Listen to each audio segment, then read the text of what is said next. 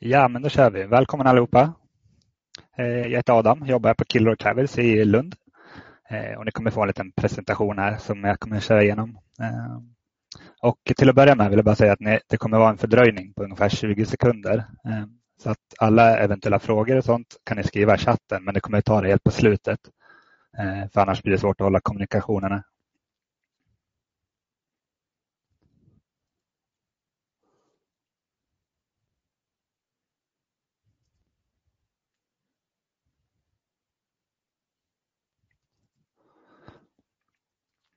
Ja, men idag ska vi prata om Latinamerika som jag hoppas ni har förstått. Vi har haft lite event i vår butik här i Lund och Stockholm tidigare i veckan men vi vill nå ut till alla er på landet. Så att, eh, välkommen igen. Eh, eh, jag räknar med att hålla på ungefär en halvtimme eh, och sen kommer vi ha öppet för frågor och sånt så då kan vi hålla på lite längre beroende på hur mycket frågor ni har. Jag tänker att vissa av er kanske sitter på bussen nu och halvsover och vissa sitter hemma med penna och papper och grejer. Så får vi se hur det blir det är alltid lite speciellt att sitta och prata så här när man inte får någon kontakt mot eh, och veta vilka som hör och inte. Så att, eh, men i alla fall är agendan för det jag kommer gå igenom. Eh, lite grann snabbt vilka Killroy är och vad vi gör. Lite förväntningar på Latinamerika och sen de absolut highlightsen som man inte borde missa på när man reser till de olika ställena. Och sen har jag själv såklart rest både i Central och Sydamerika så jag kommer gå igenom lite grann rutterna som jag har rest och vad vi såg och gjorde, eh, lite egna bilder och sånt. Eh, och sen tänker vi kolla lite på eh, vad man ska tänka på just när man reser i Latinamerika, hur man kan planera sin tid och så lite tråkiga saker som försäkringar och budget och vad man ska packa och sådana saker. Och sen så avsluta med frågorna på slutet. Och här är jag. Hoppas ni känner igen mig från filmen nyss. favoritland Mexiko har eh, rest en del där och jag har, eh, jag har rest igenom där två gånger men ändå bott och pluggat där i fem månader också. Ehm, så jag är rätt svag för Latinamerika generellt. Mm. Jag gillar att eh, spela frisbee, spela volleyboll på stranden eller vara aktiv och vara mycket ute i naturen och vandra och cykla och sånt. Så att jag försöker, på mina resor försöker jag alltid komma ut i naturen på något vis. Ehm, mer än städer ska jag säga att det är vad jag tycker om.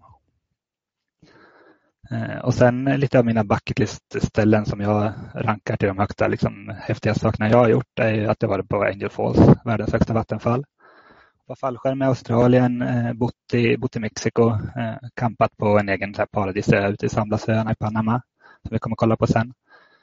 Varit ute i Amazonas och letat anakondor och gått på kinesiska muren och sen var det roadtrippat till USA.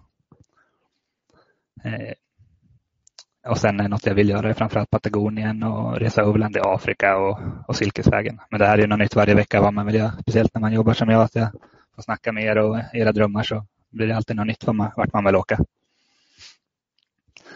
Eh, men killar då, vad vi gör. Det, de flesta kanske har lite koll på vad vi gör sedan tidigare, men vi är väl, vägledning, vi hjälper till och planerar. Eh, så alldeles från början eh, när ni börjar kolla på vart ni vill resa så kan vi vara med från början, komma med tips och råd som gör att resan blir bättre som helhet. Eh, och sen såklart så bokar vi resorna också så att det är inte bara att vi hjälper och planerar utan vi är med hela vägen från början till slut. Eh, och vi skräddarsyr allting. Vi har inte alls några charterresor utan vi, vi skräddarsyr allting. Eh, så vi, vi snackar med er och ställer frågor och försöker luska ut vad det är som ni drömmer om. Sen utgår vi från det och sätter ihop ett förslag och sen bollar vi fram och tillbaka med er vad ni vill och vad ni vill uppleva. Eh, och utifrån det så sätter vi ihop ett förslag eh, tills, tills vi har någonting som ni är nöjda med och då, då bokar ni. Eh, och sen åker ni. Och sen den sista punkten här med på resan är också att det är inte efter ni har bokat så finns det fortfarande med både med frågor innan när ni håller på och packar. Är det många som hör av sig och under resans gång också om det blir någon jordbävning eller ni behöver tips på var ni kan åka eller tips på restauranger och grejer så finns vi alltid med som en vän på resan som man kan höra av sig till. Eh, brukar alltid vara kul för oss resexperter att liksom få höra hur det är när ni är ute och reser också. Eh, det är alltid kul att ha den kontakten. Eh, lite förväntningar på Latinamerika. Det brukar ofta vara om man eh, snackar med mormor och morfar innan man ska ut eller något sånt. Så är de alltid nej, men ska ni åka till Colombia? Det är ju så farligt. Men oftast så är det faktiskt att det är folk som inte har varit där och bara hört saker på nyheterna. Eh, men frågar man någon som har varit i till exempel Colombia då, som har ganska dåligt rykte sedan tidigare så är ju alla jättenöjda och, och tycker det har varit jättebra och inte upplevt det speciellt farligt. Eh, men såklart så, så är det sunt förnuft på de flesta ställen som gäller och framförallt i storstäder så blir det lite mer kriminalitet och sånt när det blir eh, många fattiga människor som kanske sticker i ögonen om man kommer med en guldklocka och sådana saker. Så att, eh, lite sunt förnuft helt enkelt. Men jag tänker att mina förväntningar, vad jag tycker att ni ska förvänta er på hela Latinamerika, om man ser till den här kartan, är egentligen att det finns lite av allt, eller ganska mycket av allt kan man säga. Man har fina stränder, man har jättekul eh, natur, häftig storslagen natur, mycket djur, eh, dykning och surfning och jättegod mat, eh, och så levnadsglatt folk, många olika kulturer, mycket gammal kultur med både maya och inka, indianer och mycket ruiner och sådana saker. Så att det finns verkligen något för allt. Ehm, och här, det är det här vi ska prata om då, Central och, och Sydamerika. Ehm, och bara när man kollar på kartan så här, till en början så ser man ju att Centralamerika är ju ganska litet. Det är ganska korta avstånd om man inte tänker på Mexiko som är ganska stort. Ehm, men bara om man jämför det med Sydamerika så ser man ju att det är väldigt mycket större avstånd och det blir längre bussar och, och, och flyg och sånt. Och lite mer tidskrävande att ta sig runt. Hoppas ni förstår min eh, hälsingemål här också så att det inte går lite för fort. Men vi börjar med bucketlisten då. Och där kommer jag gå igenom ganska fort, inte så, eh, inte så mycket detaljer och så, utan eftersom det är så många som lyssnar nu så är det bättre egentligen att, det, har ni speciella frågor om detaljer och eh, just er rutt så är det bättre att ni sen hör av er så kan vi boka in ett personligt möte och antingen på telefon eller om ni vill komma in i någon butik Eh, så kan vi kolla på just eh, vart ni vill åka och, och vad vi kan tipsa om där. Eh, så att det här är väl mest meningen som en övergripande, liksom, få igång inspirationen till er resa. Men det kostar ingenting att ha reserådgivningar med oss. Så att både mejl, telefon och butik, allt är liksom gratis. Så att det, man behöver aldrig fundera på om man ska kontakta oss utan har ni resplaner som ni vill diskutera med någon så är det bara att höra av sig. Men bucketlisten då. Då har vi såklart Machu Picchu är ju något som många drömmer om och vill. Är man första gången i Sydamerika så ja, det är nästan 100 procent som, som vill till Machu Picchu. Eh, och många vill ju också då vandra. Har man möjligheten så tycker jag absolut man ska vandra om man inte har eh, ja, inte dålig kropp som inte klarar av att vandra eller något sånt. Så finns det möjlighet att ta tåget upp. Eh, prisspannet som står här 4 till 10 000, då är det verkligen 4 000 som syftar till att ta tåget upp. Så att även om man tar tåget så är det en, en ganska stor summa för just tåget upp till Machu Picchu är, eh, är ganska dyrt. Eh, men förutom Inkaleden då som man behöver, eh, den är redan fullbokad nu fram till oktober i år så där har man en idé om hur snabbt den säljer slut. Eh, för det finns ett visst antal tillstånd per dag eh, som ska räcka till både turister och till Sherpas som är de här hjälper till och bär Eh, Eh, längs leden. Eh, men det är just Inkaleden som man behöver med tillståndet till. Sen finns det massa andra leder som man inte behöver ha tillstånd för. Eh, så att man behöver inte vara jätteledsen om man nu vill åka i sommar och eh, det inte finns tillstånd kvar så kan man fortfarande resa och ha, finns jättefina vandringar som man kan ta. Mm. Eh, bara så man känner till det att vill man gå riktiga Inkaleden så är det vara ute i god tid som gäller. Eh, jag kommer gå in lite mer på de här olika vandringarna så lite senare. Eh, Ecuador eh, och Galapagos, är, tycker man om djur så är det här meckat. Utanför västkusten i Ecuador så har man Galapagosöarna där Charles Darwin hängde och massa endemiska arter som bara finns där som är häftiga att se. Och där är det många som bor på en båt som åker runt bland öarna eller så kan man välja lite mer budgetalternativet som vi har också där man kan campa på öarna. Så det kan man välja på. Oftast är man där kanske mellan 8 och 15 dagar någonting. Eh, de kortaste turerna är på 8 dagar ungefär. Eh, Amazonas, även där mycket djur, mycket natur. Eh, ute i djungeln och vandra både på dag och natt och spana efter djur. Och många kanske tänker Brasilien när man tänker på Amazonas direkt, men det går faktiskt att ta sig till Amazonas både från Bolivia, från Peru, från Ecuador och södra Colombia också. Så det finns många möjligheter. Till exempel om man vill kombinera det med eh, Inkaleden Machu Picchu så finns det bara på en, man kan ta en nattbuss till ett ställe som heter Puerto Maldonado så, så är man i Amazonas. Eh, och själva upplevelsen att komma ut i Amazonas är eh, den är ganska lik även vilket land man än är i. Så man åker oftast ut i Amazonfloden och bor på någon ekolodge bredvid floden. Så går man runt på olika nattvandringar och letar efter eh, alligatorer. Man eh, letar efter anakondor i här träskmarker och, eh, och så har de sådana här eh, rosa färskvattendelfiner också.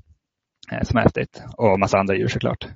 Så det är absolut en upplevelse som jag tycker att man ska se till att göra när man är i, i trakterna. En annan häftig sak är Saltöken som ligger på, gränsen mellan Chile och Bolivia. Och här kommer jag också gå in på mer senare. Det kommer mina egna bilder och så. Eh, Patagonien som är lite av en dröm för mig. Eh, det här är en rutt som ni ser till höger, är en rutt som vi har en, en resa som går på 23 dagar. Eh, man kör en stor overlandbuss med, med campingköp. Rök under så campar man nästan 80 procent av nätterna. Och den går förbi massa häftiga glaciärställen och nationalparker och stora berg och sånt. Så det är ju en, en häftig resa. Vill man till Patagonien så det ligger alltså längst ner på Sydamerikas kust. Vill man dit så är det mellan november till februari egentligen som man kollar på. Resten av året är det riktigt kallt och stormigt och det är inte alls så, så kul att vara där. Eh, så att de flesta turer och sånt som går där är eh, mellan november till februari. Eh, sen på gränsen mellan Brasilien, Argentina och Paraguay så har man Iguazufallen. Och jag själv är väldigt svag för vattenfall. Det är någonting när man är nära vattenfall som bara gör att man får ja, endorfinerna bara släpps lös. Så att, eh, ja, jag tror att det är många som tänker som mig att Vattenfall det är något speciellt med det. Så att, och det här är riktigt mäktigt att se så att jag rekommenderar även det. Eh, och är man eh, surfare sedan tidigare eller bara vill testa på surf så finns det jättemånga bra ställen. Eh, både, ja, där är några, Costa Rica, Ecuador, eh, Mexiko, Peru. Men det finns många ställen i de flesta länderna att testa på surfing. Vi jobbar ju mycket med La Point Surfcamp som är mycket skandinaver och så på, men eh, som har schyssta kamp och, och bra instruktörer och så. Mm, men sen har vi också några alternativ eh, där man kan kombinera till exempel med spanska studier om man vill det. Och lite volontärarbeten och sånt. Så att, eh, vi har lite alternativ att kolla på eh, om man är sugen. Det som är bra kanske om det är första gången man surfar är att man lägger en hel vecka på det istället för att bara gå och hyra en bräda en dag.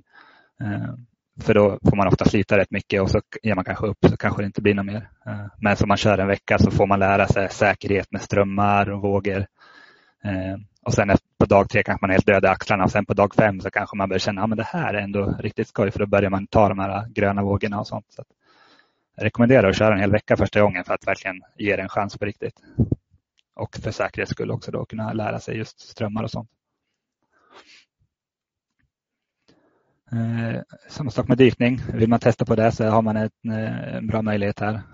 Eh, framförallt utanför kusten på södra Mexiko på, på karibiska sidan. Eh, så östra Honduras, där har man världens näst största berg, eh, korallrev eh, efter Stora barriärrevet. Eh, och det finns också på Yucatan, Yucatanhalvön, alltså där Cancún och Tulum och Playa Carmen ligger i södra Mexiko. Hela den halvön är uppbyggd av Eh, så kallade cenotes eh, som är eh, färskvattengrottor där man kan dyka i, i färskvatten. Då. Det är det man ser på bilden nere till höger här. Vissa av dem kan man till och med simma ner i och så kommer man ut i havet så att det blir så bräckt vatten som en häftig känsla. Det går också bra att snorkla i de här cenotesgrottorna och det finns tusentals. Man går ut i djungeln och så är det bara en liten öppning. Så har ni sett mycket bilder från Mexiko på Instagram så brukar det vara mycket sådana häftiga cenotesgrottor. Där har vi kartan igen.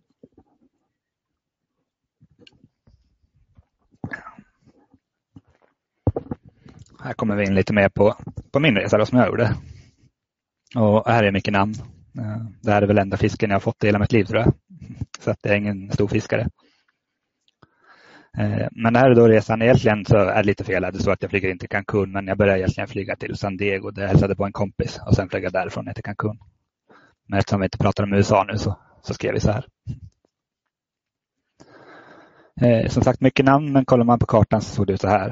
Eh, och det här var innan jag började jobba på Kilroy och det jag hade gjort var egentligen att jag, på fyra månader hade jag bokat en resa in till San Diego och sen hem från Buenos Aires fyra månader senare. Eh, men det märkte jag ju rätt fort att det här kommer inte gå så att eh, då bokade jag om en biljett och flög hem från Panama City istället. Och sen året efter så fortsatte jag ner på Sydamerika och körde fyra månader där. Så det är den resan vi kommer kolla på sen. Eh, ser man till dagsläget så är det egentligen eh, Nicaragua just nu har UD en avrådan mot. Eh, så många väljer nu att flyga över där för om man åker in i ett land där UD avråder så gäller inte någon reseförsäkring. Eh, men det ser ut som det håller på att luckras upp lite grann. De har släppt lite fångar och sånt. Men eh, just nu i alla fall så kan det vara lönt att ta ett flyg över Nicaragua om man vill resa genom kontinenten. så. Eh, men som jag sa, jag har pluggat i Mexiko och gjort en del utflykter och sånt här. Eh, här är faktiskt västkusten i Mexiko, ett ställe som heter Mazunte eh, nedanför Puerto Escondido. Jättefina, nästan till tomma stränder. Om man jämför med Yucatanhalvön som också har jättefina stränder så är det lite mer bebyggt på Yucatan och lite mer turism och så. Men på västkusten är det lite lugnare. Eh, till höger är en, eh, ett sjunkhål som heter Pozo de Gavilan som man firade oss ner eh, och paddlade kajak i någon timme. Eh, så var en häftig upplevelse. Eh, lite fler bilder från Mexiko. Tacos, ja underbart, inte så mycket mer att säga om. Helt otroligt.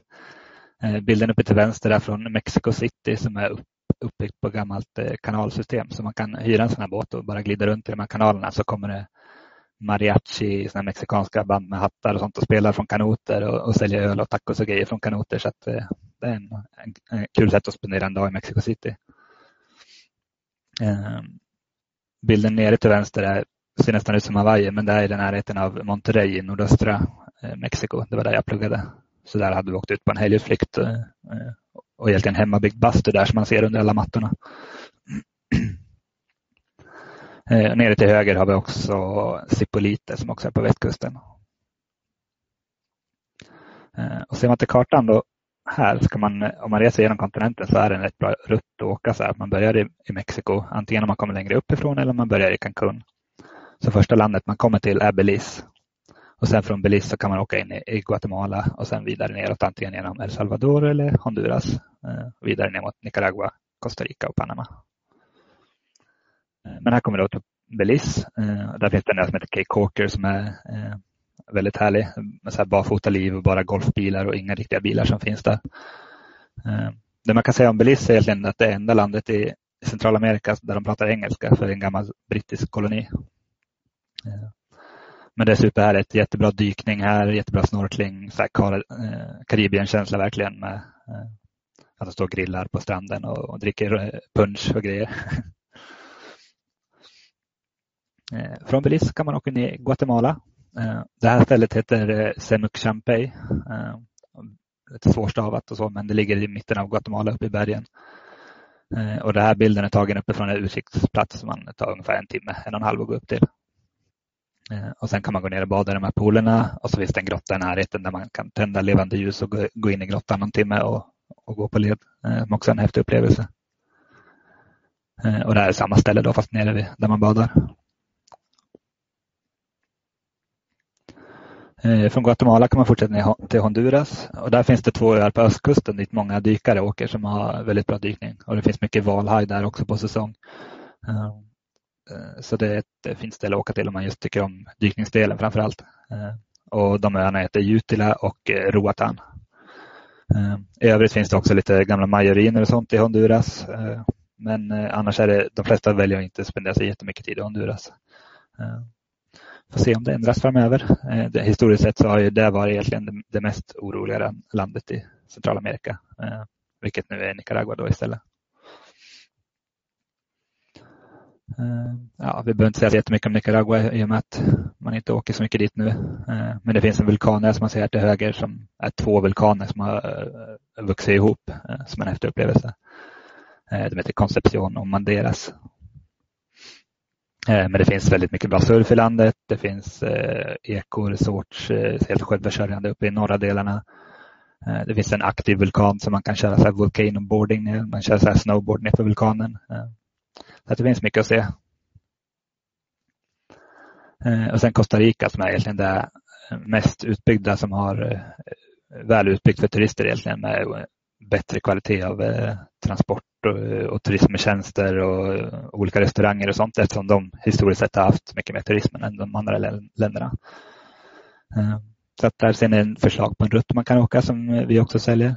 Den ligger på ungefär 13 dagar den rutten där tror jag. Ehm, och här finns det också jättemycket djurliv och så här sengångare och, och, och jättemycket att se. Eh, både action, adrenalin med sådana här ziplines och, och hot springs och forsränning. Ehm, men även om man vill volontärarbeta så finns det jättemycket sådana djurprojekt man kan göra.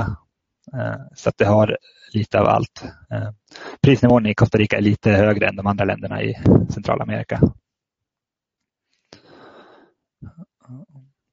Eh, och sen kommer man ner till Panama som är det sista landet på eh, Centralamerika. Och det här bilden till vänster är från Bocas del Toro som är på gränsen upp till Costa Rica. Eh, och sen är det många länder i regionen som har sådana här ombyggda skolbussar som man tittar höger, som är, de kallar för chicken buses. För mycket lokalbefolkningen åker och de kan transportera lite av varje där. Men det är absolut en härlig upplevelse att betala några kronor och ta sig någon sträcka där med en sån. Eh, och här kommer vi till eh, Samblasöarna som ligger i Panama på östkusten.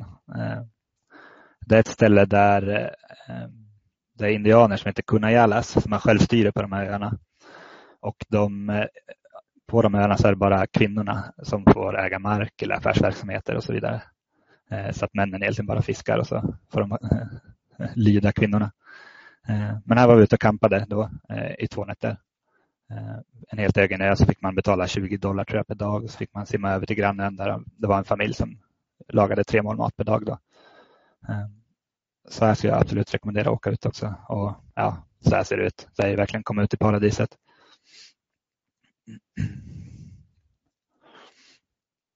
Eh, och sen lära sig spanska. Jag Eh, har man tid så är det absolut bra att köra en vecka i början på sin resa då, eh, så man har lite nytta av den. För man får ut väldigt mycket mer av sin resa om man kan lite spanska. Eh, och vi i de flesta länderna har vi lite spanska kurser. Man kan bo antingen på homestays eller om man vill bo på en hostel så går det också bra. Så det är absolut ett bra sätt att komma in i kulturen ja, i början på resan. Då. Och det kan man ju både göra uppifrån ja, de flesta länderna som sagt. Eh, det finns också typ Duolingo om man vill köra lite innan man kommer iväg. Så man i alla fall kan fråga efter vart busstation ligger och, och beställa mat och sådana saker. Eh, sen de som jobbar på hostels och sånt kan ju oftast en del engelska. Eh, men det är mest om man vill fråga efter vägen och ändå kunna ta sig runt och få ut mer av resan så är det bra att kunna lite spanska.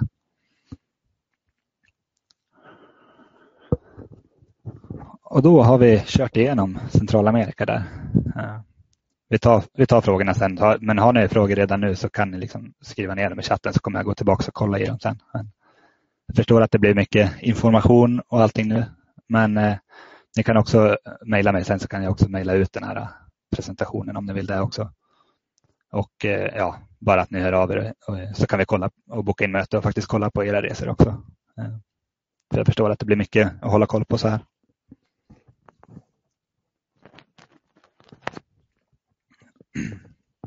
Men då kör vi igång med Sydamerika. Eh, det här är mycket namn, men om man bara ser på bilderna så är det eh, i Colombia på den vänstra bilden. I eh, Parque Nacional Tayrona, alltså Tayrona National Park. Och det är Atacamaöknen nu på den högra bilden. Med en hot spring. Och min resa såg ut så här. Jag landade i Caracas i Venezuela.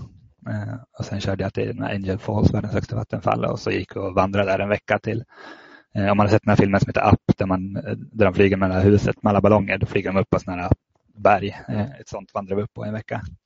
Och sen åkte vi vidare till, till Colombia. Så flög vi från Colombia ner till Lima i Peru. Och sen reste vi då genom Peru och Bolivia, norra Argentina, Iguazu och Buenos Aires. Lite säkerhetsläget så, så är väl ja, Venezuela är ju lite no-go just nu i alla fall. Det är ju humanitär katastrof på gång där. Eh, det har varit inflation i flera år. Så att, eh, det här var 2012 när jag var där så att just nu skulle jag inte rekommendera någon som in, inte exakt vet vad de gör eller ska dit i något syfte att resa till Venezuela. Utan det finns knappt någon mat och så. Så att vi ska inte lägga så mycket tid på, på det just nu. Eh, men här i alla fall berget då, som jag var uppe och, och Angel Falls, världens högsta vattenfall. Eh, men Colombia däremot, där finns jag jättemycket att erbjuda också. Eh, och det passar egentligen året runt för jag har bra säsong. Jag ligger ja, på ekvatorn nästan. Eh, man har Cartagena här på den högra bilden som är jättemysig. Så här eh, gammal, ja, Colombias Visby kan man säga. Med en, eh, en, en sån mur som går omkring och är jättefärgglada hus. Sen har man Cocora Valley, kaffedistriktet, bilen nere till vänster. Och utanför Medin ligger också den här klippan som man ser upp till vänster. Och det här är Tayrona National Park som ligger öster om, uppe på den karibiska kusten i Colombia. Eh, så nästan på gränsen till Venezuela. Eh, utanför Santa Marta så hittar man Tayrona National Park. Eh, som är jättevacker. Och lite utanför den kan man också både surfa och dyka om man vill göra det. Och sen kommer vi då till Peru igen och det är Machu Picchu. Och det nämnde jag lite grann om de olika lederna och sådana saker. Eh, jag tycker de här är lite kul, bilden uppe till höger är liksom att man ser eh, eh, där upptagen från Machu Picchu och ner i dalen. Och egentligen där nere som är Aguascalientes som är den lilla byn som ligger nedanför Machu Picchu. Det är inte en vinkel som man ser så ofta. Och sen finns det de flesta lederna övernattar man i tält och så. Är man helt anti-camping och anti-tält så finns det varianter där man bor hemma hos kaffebönder i sängar och så. Man får riktigt god sömn och så. Eh, så man slipper det här tältandet. Eh, det finns också varianter där man inte behöver gå liksom i tre dagar utan eh, det finns en som heter Machu Picchu Jungle Trek där man kan cykla downhill första dagen. Det är inte så avancerad downhill, man kör lite på asfalt och grusvägar och så. Men då kör de upp en till 5000 meter så cyklar man på mountainbike nerför hela dagen. Om man börjar då på morgonen där det är snö på toppen och när man kommer ner till dalen på slutet så är man nere i djungeln och det är 25-30 grader. Så det är också en häftig upplevelse. Eh, men framförallt så finns det ju många fina vandringar där man verkligen kommer ut i naturen och får gå förbi lite byar och sådana saker också. Så att verkligen häftig upplevelse och något som alla borde uppleva. Eh, här är min kollega Micke när han gick eh, en av de alternativa vandringarna som heter Lares Trek. Och både han och de han gick med var jättenöjda med den vandringen också. Eh, men det man kan säga då med de här vandringarna är att Inkaleden är den enda vandringen där man går hela vägen fram till Machu Picchu. Man kommer fram till solporten som ligger ovanför Machu Picchu.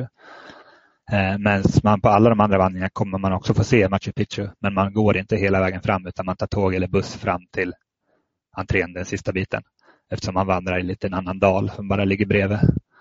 Eh, men just Lares sektor, det är en blandning av man går upp i bergen som man ser det här och sen passerar man lite byar så man får lite kulturellt utbyte också när man passerar de här små byarna på vägen. Sen finns det en tredje som heter Salkantai Trek.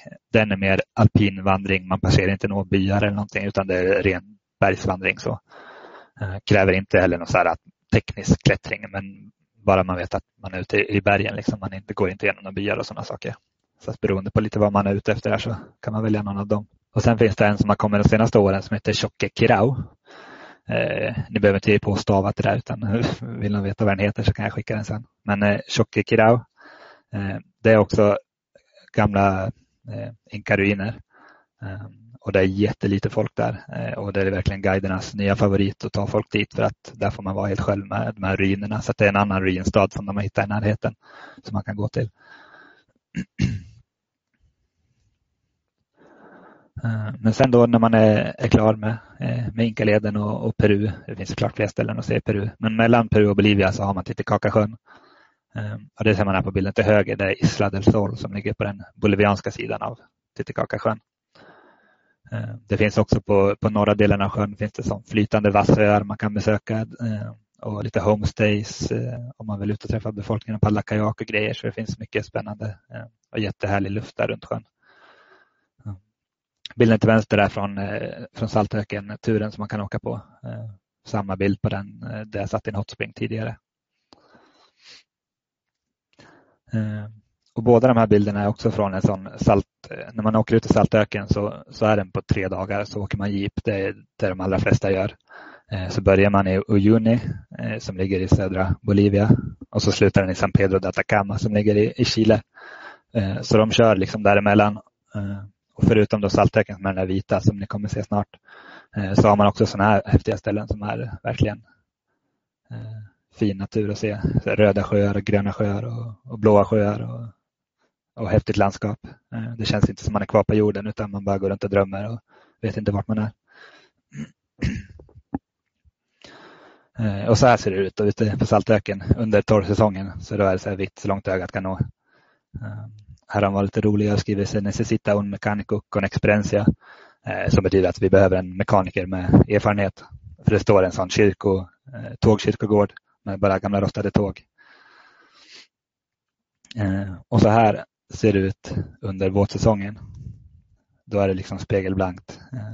Det är min syster där på den högra bilden som skriver en häftig bild. Eh, sen går, det går inte riktigt att säga när det kommer vara så här översvämmat och när det inte kommer vara det. Egentligen är det lite blötare säsong från november till mars ungefär. Eh, men jag, jag var själv där i mars och då var det helt torrt så det, går, det går inte riktigt att lita på när det kommer vara översvämmat och när det inte kommer vara det. Men man behöver inte bli ledsen vilket som för båda är jättefina. Eh, så att bara för att man åker typ i regnsäsong så behöver man inte känna att nej men vad tråkigt, jag fick inte se när det var helt vitt för då får man se det här istället. Så det är inte fy skam. Eh, Eh, fortsätter man neråt så kan man hamna i Salta som ligger i norra eh, Argentina. Eh, här ser man ju mest eh, ja, kaktusar och, och torrt landskap. Men det är lite av eh, Argentinas motsvarighet till, till Queenstown i Nya Zeeland. Det finns mycket så actionsport här omkring. mountainbike och forskning och lite sådana saker. mycket bra vandringar och sånt i området. Eh, och från Salta så kan man ta en lång buss på typ 15 timmar till Iguazu. Eller så kan man passa på att besöka, besöka andra ställen på vägen. Eh, men det går att ta sig med en långfärdsbuss. Eh, och i Sydamerika så kan man ta sig, det går rätt bra att åka buss. För även om man skulle ta den här bussen på ungefär 15 timmar så, så får man, man kan ligga ner ofta, man kan köpa så här halvsänget eller semikama. Så så, så kan man nästan ligga ner och sova gott och man får en liten flaska vin och mat och sånt på bussen. Så att, eh, de här 15 timmarna går snabbare än vad jag gör på en svebuss eh, mellan Malmö och Stockholm. Eh, just i Iguazu-fallen också så har man ju både från eh, argentinska och från brasilianska sidan. Eh, och då, jag skulle rekommendera att man har två dagar här så man hinner gå på båda sidorna. Eh, för den brasilianska sidan får man lite mer panoramavy. men på argentinska sidan kommer man nära in på fallen så man kan faktiskt känna och och uppleva fallen. De har så här små båtar som kör in i, i stora eh, Djävulens gap heter det stora vattenfallet. Eh, och här var jag i Uruguay en sväng. Eh, snackade med, vi hade hört talas om att det var en ölfestival så vi åkte till eh, ett ställe som heter Paysandu. Eh, så visade det att det var mest pensionärer som var där. Men eh, vi hade det kul ändå. Vi fick smaka sån här mate som alla argentinare dricker. Eh, mycket te eh, och lite skorpor och andra eh, bakverk och sånt som de ville bjuda på. Så det var en trevlig stund. Eh, mer om Uruguay också, jättefina stränder. Eh, det man ska tänka på klimatmässigt kanske är att eh, allt egentligen norr om eh, Rio håller ganska varmt året runt. Men när man kommer ner mot eh, ja, södra Uruguay och Buenos Aires, södra Argentina så, så blir det rätt kyligt efter ja, efter april, maj ungefär och fram till november. Så att under våran sommar så har de vinter där.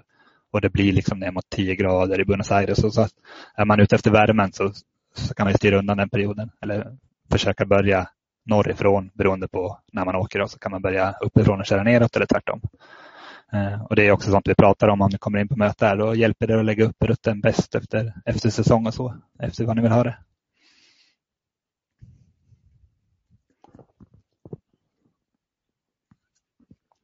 Alltså, som jag sa så har vi spanska i lite flera olika länder så att även i Argentina om man skulle börja sin resa i Buenos Aires till exempel så kan man ju börja med att hänga lite i stan där och, och se allt den har att erbjuda samtidigt som man lär sig spanska också. Eh, här är ett förslag av en sån eh, rutt vi har egentligen om man vill resa själv eh, eller om man inte vill resa själv så har vi såna här där man kan resa tillsammans med andra och då bokar vi in vi har många resor som bara är öppna för ungdomar från, från hela världen. Eh, men vi har också för alla åldrar såklart. Men eh, just många är populära med, där mellan 18 och 39 år. Eh, och det är liksom inte sådana här charterresor utan det är man går med en lokal guide, bor homestays ibland, gör mycket äventyr och sånt på vägen. Så att det här är en rutt men det går också att fortsätta från La Paz vidare upp mot Peru och Colombia, Ecuador. Så vi har många förslag på sådana här rutter men det här är ett sätt man kan göra det på. Eh, och framförallt om man har lite dåligt med tid så, så brukar man hinna uppleva mer eh, på kortare tid om man har något sånt här färdigt så man slipper tänka på vart ska jag sova ikväll och vilken buss ska jag ta och, och, vad ska jag göra nu. Så då har man egentligen allting uppstyrt från början. Så har man lite tid kan det vara värt att kolla på något sånt här. Men så man ska vara borta ett halvår så kanske det går att, att chilla lite mer där man kan eh, stanna på bara boka in vissa saker och sen ta det lite som det kommer. Eh, tänker man lite budgetmässigt så finns det ju både sådana här sovsalar. Eh, brukar kosta från 80-100 spänn natten. Eh, eller så kan man ha lite finare privata rum eh, och betala lite mer. Så att beroende på sin budget så, så finns det det mesta, mesta att välja på. Eh, just den här Serina som ni ser här är en, en ganska ny hostelkedja som finns över hela Latinamerika. Eh, och de, de öppnar tre, fyra destinationer i månaden nästan så att eh, de håller på att ta över rejält här. Eh, och som ni ser så har de lite mer så här butik hostelkänsla, ganska fräscha. Eh, ofta någon så här bra hangout space eh, med lounge och sånt. Man kan sitta och hänga i baren och, och träffa folk. Eh, och det är skönt när man bor på hostel att det är oftast mycket andra backpackers som man kan träffa och, och hänga med. Eh, så man slipper känna sig själv om man nu skulle resa själv. Eh, ja, sen vill jag bara tipsa om att det, vill man ut på en jättelång resa så, så går det att kombinera Latinamerika på det här viset till exempel. Eh, men det här är bara ett förslag vi kan skräddarsy exakt som ni vill eh, när vi har haft ett möte sen. Men till exempel kan man kombinera Asien och, och Afrika och Latinamerika och USA eh, som man vill. Eh, men det kollar vi som sagt på tillsammans när, när ni hör av er och vill snacka om er resa. Eh, och det här har jag touchat lite på också, just det här med att planera sin tid. Har man en eh, ska man göra en kort resa ska man vara två veckor och man vill hinna se Peru och, eller Machu Picchu med Inkaleden och Amazonas, ja, men eh, då är det lika bra att boka in det så man vet att, man, att det finns plats när man kommer dit och man slipper lägga hela sin resa på och, och planera och leta efter bussar och, och boenden och sånt. Men har man då mer tid på sig så, så går det faktiskt att, att ta det lite mer som det kommer. Men, eh, men vissa saker kan ändå vara bra att boka in. Eh, så man har lite hållpunkter också för det kan ju vara lätt hänt om, om många rest förr att man fastnar fastnar på någon skön strand eller fastnar på någon bra hostel där man har alldeles för trevligt och sen helt plötsligt har man varit där i två, tre veckor och så hinner man inte med eh, att och gå Inkaleden om man tänkte att man fastnar någonstans. Så att ha lite hållpunkter kan ändå vara en bra idé under resan lite sånt eh, general att tänka på för Latinamerika att eh, ja, spanska underlättar. Eh, långa avstånd framförallt i Sydamerika. Det är inte alltid så enkelt att, att boka lågprisflyg. Inte, inte som det är i Sydostasien till exempel utan mellan länderna inom Sydamerika kan det vara rejält dyrt med flyg.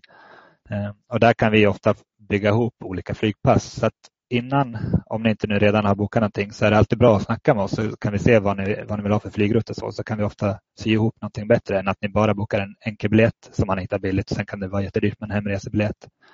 Eh, men, men ibland så kan man få de här biljetterna inom kontinenten nästan på köpet eh, när vi sitter och kollar. Så det är alltid värt att, att dubbelkolla med oss innan man eh, bara tar den första bästa enkelbiljetten ner.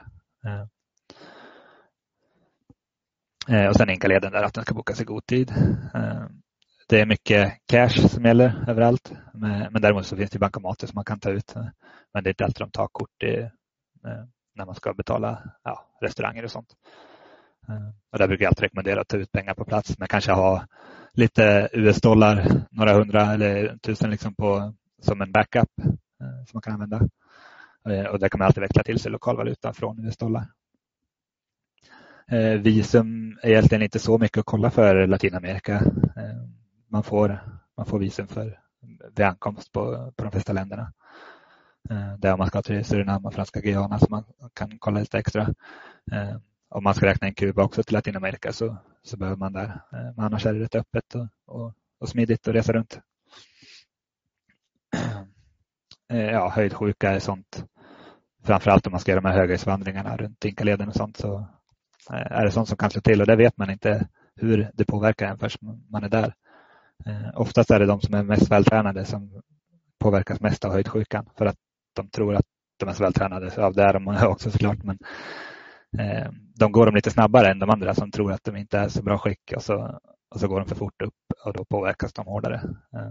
Så att, Ja, man vet aldrig riktigt. Men då är guiderna som går med enkeleden så att det är väldigt bra tränade med att se tecken på allvarlig höjdsjuka och då säger de till om de ser de här tecknen så kan man bara gå ner några hundra meter igen och eh, antingen testa lite långsammare eller så om de verkligen ser att det här är inte bra så, så tar de ju hem en. Och där kommer också försäkringen att skulle det hända någonting på sådana otillgängliga platser där man behöver helikopterhjälp och sånt så, så är det ju väldigt viktigt att ha en reseförsäkring som, som täcker sådana saker. Eh, där, där har man ju läst liksom Aftonbladet ibland om Facebookinsamlingar Facebook-insamlingar och sånt där folk ligger i koma och skadade och måste ha ambulansflyg hem men eh, de har inte råd så de får samla in pengar. Utan det vill man ju gärna slippa när man ligger i ett sånt läge. Så att ha en reseförsäkring som täcker som utan frågor bara hämtar hem en eh, och gör det som behövs. Eh, och det jobbar vi med försäkringsbolag så vi kan hjälpa till med. Eh, men såklart så behöver man inte vara dubbelförsäkrad så har man en bra hemförsäkring så kan man använda den så långt det går. Eh, men oftast är det uppåt 45 dagar som, som ingår i sin hemförsäkring. Och sen kan vi kolla på alternativ. Då. Och budget har vi varit inne på lite också. Skiljer lite i de olika länderna. Men generellt är det rätt billigt med boende, mat, det lite de här aktiviteterna som drar upp kostnaden beroende på hur mycket man vill göra. Galapagos och, och sånt. Eh, men eh, generellt så kan man leva på 200-300 per dag för mat och boende om man, om man snålar och inte gör så dyra aktiviteter. Eh, men när man är på det här, jag skulle rekommendera att och inte försöka snåla för mycket utan eller då kanske korta ner tiden och faktiskt få göra de sakerna som man vill göra så man inte åker dit och sen har man inte råd att gå Inkaleden eller åka till Galapagos som det har varit en dröm hela tiden. Så det är roligare om man faktiskt har råd med de sakerna man har tänkt och vilja göra. Eh, och packning, ja, det är också väldigt personligt. Men eh, framförallt att försöka inte packa för mycket så man får släpa på så mycket. Man, man brukar ofta köpa lite souvenirer och det finns mycket bra marknader och sånt. Eh, roliga kläder. Men, ja, men hellre packa för lite än för mycket. De flesta går ju att köpa på plats. Eh, Eh, sen är kanske inkluderad just den enda vandringen man gör på resan. Eh, men eh, ja, det går väl att göra det flipflop. Det är inget jag skulle rekommendera. Men ha ett par skor som med en rejäl sula eller ett par vandringshängor med ankelstöd. Ska jag säga. Det är bra. Och sen inte den tjockaste dunjackan utan man kanske jobbar lite lager på lager och packar en, en regnjacka som är vind och vattentät och sen kan man bygga upp dem med underställ och en härlig skön tröja under. Så behöver det inte bli så mycket packning. Så, då har vi kommit till slutet här. Så då tar vi lite frågor. Här har ni, om ni redan nu känner att ja, men vi vill ha med egna frågor eh, så hör av er där. Ni har min mejl där adja.killer.se eller Lund och Stockholm om man vill ha någon speciell butik. Eh, telefonnummer.